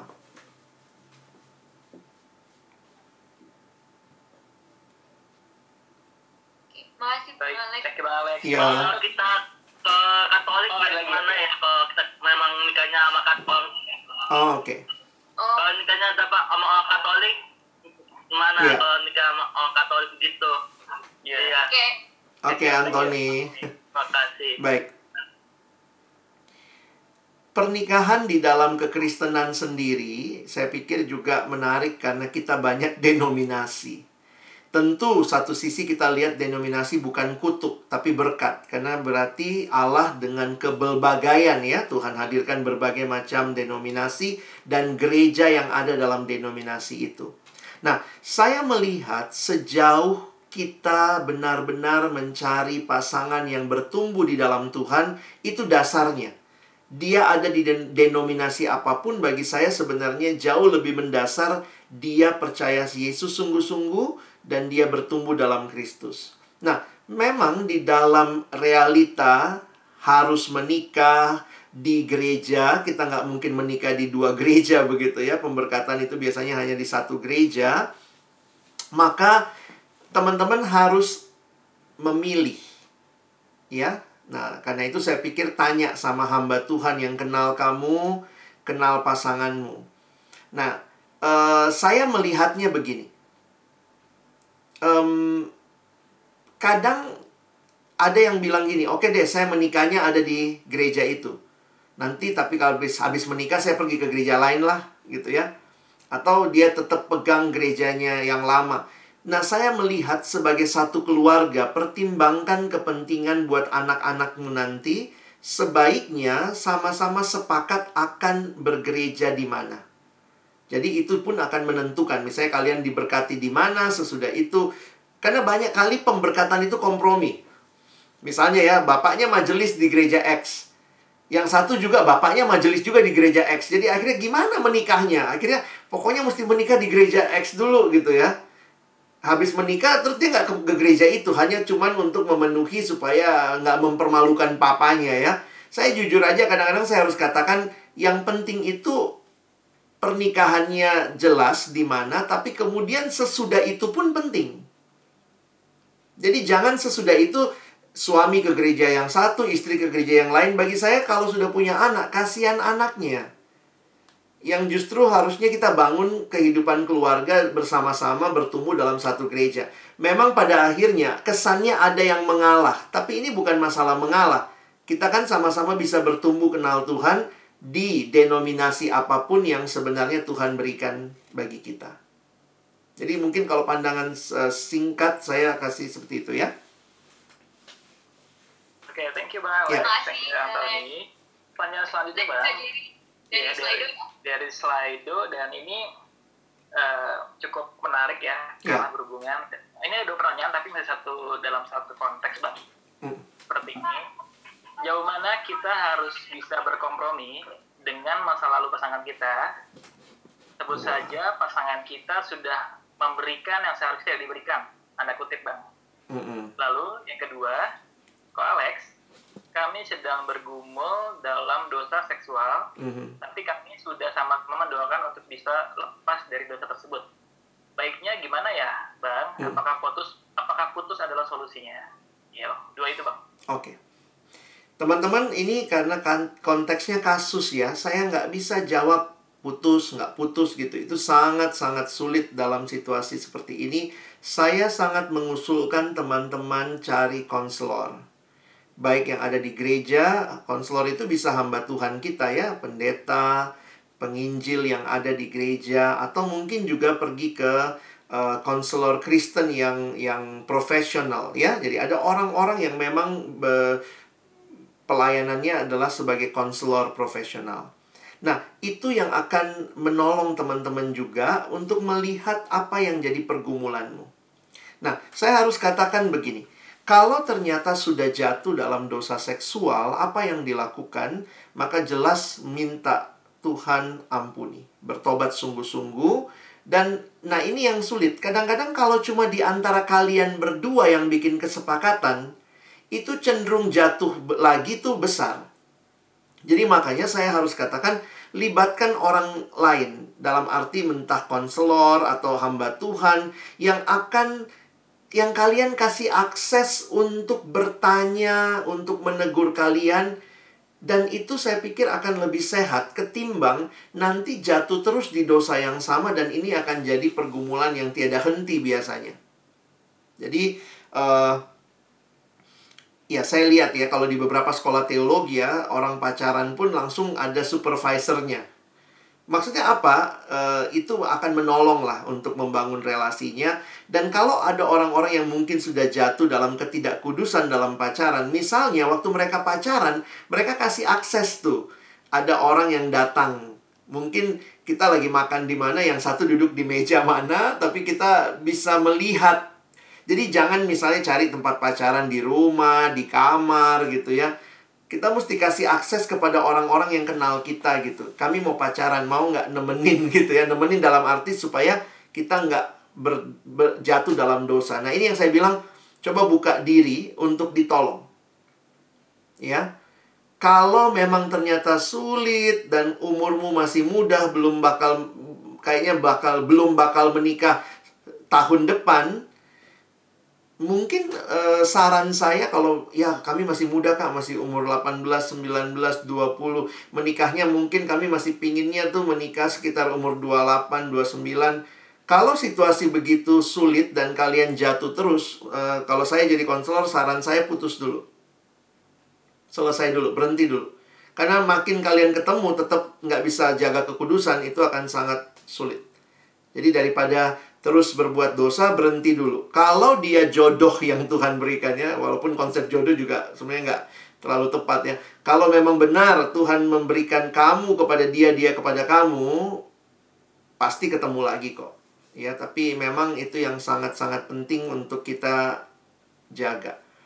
Nah, tadi eh, pertanyaan pertamanya tadi kenapa ya? Eh, dia sudah Bagaimana kita berkompo, berkompromi dengan masa lalu pasangan kita? Oke. Nah, ini kalau bicara masa lalu banyak pendapat ya. Tapi kalau saya pribadi nih ya, kalau saya pribadi suka berpikir begini. Tidak semua hal perlu dan harus kita buka ke pasangan kita dalam relasi yang awal. Tapi ketika relasi lebih jauh, Tuhan pimpin kita juga, ya silahkan. Kalian bisa buka itu, tapi itu seiring berjalannya waktu. Dan juga, eh, sebenarnya gini ya. Apa tujuan membukakan itu? Nah, itu harus dilihat. Apa tujuannya? Karena saya ketemu beberapa kasus yang eh, justru waktu dibuka, itu menghancurkan relasi. Tetapi kalau nggak dibuka, yang satu hidup dalam perasaan bersalah. Jadi ini kadang-kadang kasusnya beda-beda. Saya pernah ketemu orang yang dia cerita ke pasangannya masa lalunya, dia sudah kehilangan tanda kutip ya, keperawanannya, dia berani cerita segala macam dan pasangannya berani terima. Karena juga pasangannya sadar tidak ada orang yang sempurna. Nah di sisi lain saya juga ketemu ada yang pernah buka ke pasangannya nggak lama ditinggal gitu ya. Jadi memang nggak ada nggak ada apa ya tips yang benar. Tapi waktu itu menarik cara pikirnya.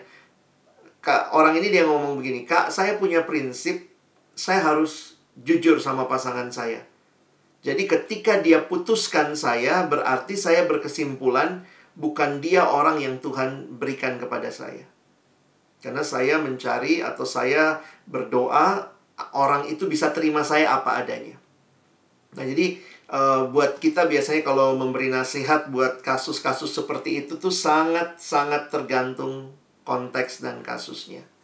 Tapi uh, mungkin prinsipnya ya, yang jatuh dalam dosa seksual baik di masa lalu maupun sedang terjadi sekarang bertobat, minta ampun sungguh-sungguh, cari pertolongan. Ya, terima kasih Bang Alex. Oke, Carol, ini sudah mau jam 9, mungkin satu pertanyaan lagi kali ya. Oke. Iya. Kayaknya karena saking serunya nih nggak berasa Bang udah. Iya, udah jam Iya, 9. dan masih banyak banget pertanyaan yang belum dibaca Kak Alex. Oke. maaf banget teman-teman ya. Nanti kirim aja, nanti kalau Kak Alex sempet nanti aku bahas di Wah, IGTV. makasih Kak Alex. Iya, ya. Ini boleh dua langsung nggak Kak? Boleh, boleh. Boleh, boleh. Coba boleh. bacain aja nanti saya jawabnya sekalian kali ya. Kak, menurut kakak apa yang harus dilakukan jika hubungan kami tidak di- disetujui oleh orang tua, padahal hubungan kami ini sudah dalam proses pertumbuhan rohani, berdoa dan baca Alkitab bareng. Itu yang pertama ya kak. Yang kedua ini berbeda. Eh, kak, saya mau bertanya, kita bisa dibilang sepadan balik dalam rohani maupun kedewasaan. Tapi target umur pernikahan kita masih jauh. Saya kerja dan dia kuliah. Tetapi kita punya komitmen untuk menikah. Apa yang harus kita lakukan dengan waktu yang banyak itu? Itu kan. Oke. Waktu yang banyak, saya jawab yang kedua dulu ya. Waktu yang banyak sebenarnya adalah kesempatan kenal lebih baik, lebih dalam. Dan menariknya kalian sudah punya konsep yang bagus ya. Benar-benar men- mengerti bahwa kita sama-sama mau menikah, kami sama-sama bertumbuh. Jadi nikmatilah itu. Kesempatan untuk dekat, untuk kenal satu sama lain. Dan teman-teman gini ya. eh, saya pikir dalam pengalaman kita melayani atau kita misalnya eh, bertumbuh gitu ya itu itu kesempatan yang indah tuh ya sama-sama mungkin saling saling eh, punya punya pelayanan bareng atau apa ya jadi memang itu bisa kenal lebih jauh nah cuma memang teman-teman harus waspada karena memang realita hubungan itu ada pasang surutnya realita hubungan tuh ada pasang surutnya. Jadi bisa juga kadang-kadang muncul rasa bosan, mungkin karena saking lamanya waktu itu ya. Dan bagi saya eh, itu itu mungkin dialami sehingga juga harus diantisipasi.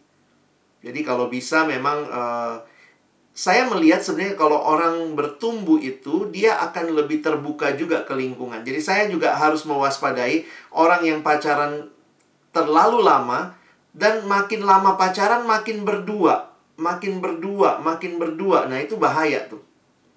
Jadi waspadalah ya.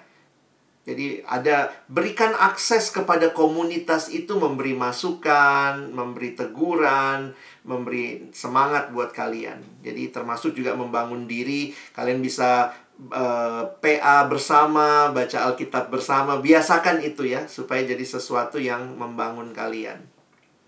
Jadi lupa nih pertanyaan pertama Carol tadi apa ya?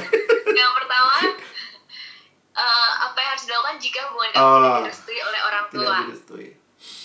Ah, ini juga nggak ada jawaban pintas ya, karena pasti harus dilihat apa konteksnya. Kalian sudah sejauh apa juga. Em, ada banyak cerita lah ya, tapi saya pikir prinsipnya begini.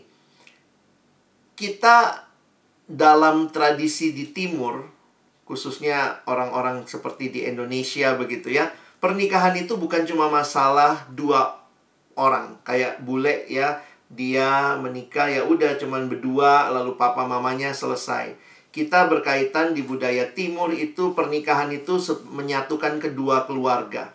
Nah sehingga ini penting untuk jadi pertimbangan. Saya harus katakan ini jadi pertimbangan, tapi bukan kemudian uh, harus selalu karena pertimbangan uh, lanjut atau tidaknya itu sangat penting dipertimbangkan.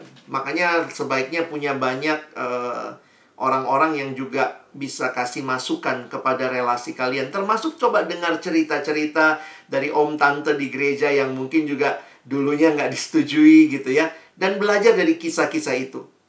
Saya punya teman yang akhirnya setelah tujuh tahun melihat relasi dan mereka memutuskan bersama kita selesai.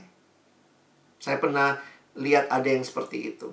Ada juga yang terus berjuang dan memang nggak ada hujan, nggak ada badai, tiba-tiba keluarga yang satu melembut. Oke lah, kalau itu pilihanmu, ya sudah menikahlah. Itu tiba-tiba lalu mintanya, oke menikah bulan depan ya, kaget gitu ya. Jadi begitu Tuhan jawab doa juga bisa terkejut kita. Wow, dibuka jalan tol. Nah, jadi saya juga nggak tahu, mungkin perlu kita gali lebih dalam. Keluarga kita nggak setuju kenapa? Nah, kalau kita sudah bisa paham ketidaksetujuannya, nah coba lihat lagi. Dan termasuk gini teman-teman ya. Buat kalian yang lagi punya pergumulan dengan keluarga, kalau kalian masih mau berjuang, dan kalian yang paling tahu nih, harus berjuang atau stop atau gimana, belajar untuk tetap memiliki kasih kepada keluarga yang menghambat hubungan kalian. Karena kalau sekali Tuhan jawab, oke, okay, tiba-tiba menikah, jadi jangan gitu ya. Uh, ada tuh yang dalam pacaran selalu gitu. Iya kak, pokoknya nyokapnya dia nggak setuju kami nih. Nyokapnya itu kurang ajar banget deh. Nyokapnya itu gini. Terus tiba-tiba jadi mertua dia dong, gitu ya. Jadi mertua dia saya bilang, waduh, lu udah terlanjur banyak maki-maki dalam arti jadi memang akhirnya waktu sudah jadi anak mantu pun nggak nggak bisa menghargai dan mengasihi sementara saya pikir itu juga bagian ya ketika kamu menikah kamu jadi bagian dari keluarga pasanganmu nah jadi uh, teman-teman nggak ada jawaban praktis buat itu tapi coba lihat coba libatkan orang untuk melihat kondisi kalian dan itu yang kalian perlu putuskan lebih jauh lanjut atau tidak Baik, terima kasih Bang Alex. Sama-sama. Oke, kayaknya waktunya udah jam 9 kan. Oke. Okay. Walaupun di slide banyak banget pertanyaan, tapi kita tidak bisa bacakan. Mohon maaf teman-teman semua. Terima kasih tapi, ya sudah bertanya. Iya betul. tapi dari Bang Alex ada di slide dia nggak bertanya, cuma dia menginfokan bahwa Bang Alex ini punya podcast di Spotify. ya. Oke. Okay. Dia merasa dia merasa terberkati, terberkati bang ya mendengar podcast podcastnya yeah, bang di Spotify. Untuk itu saya juga menginfokan buat teman-teman semua yang ada di Zoom ini maupun di YouTube Live, jangan lupa follow uh, IG-nya juga, Instagramnya Bang Alex. Di sana juga banyak uh, yeah. apa IGTV-nya Bang Alex ya. Yeah. Banyak sekali konten-konten yang sangat relevan dengan anak muda. Juga jangan lupa follow Spotify-nya Bang Alex, podcastnya. Thank you ya. Ini jadi jadi promosi gratis gue. jangan lupa. Nanti kalau kalau mau lihat IGTV, kalau mau lihat IGTV cari yang love relationship itu beberapa pertanyaan soal gimana kalau beda suku atau beda keyakinan gitu ya. Mungkin di hmm. situ bisa teman-teman juga dapat beberapa jawaban ya. Thank you. Betul betul. Iya, Bang. Terima kasih banyak Bang Alex. Terima kasih Bang Alex untuk Thank you. malam ini. Oke, Kero, kita sebelum nanti kita tutup nih, mm -mm. belum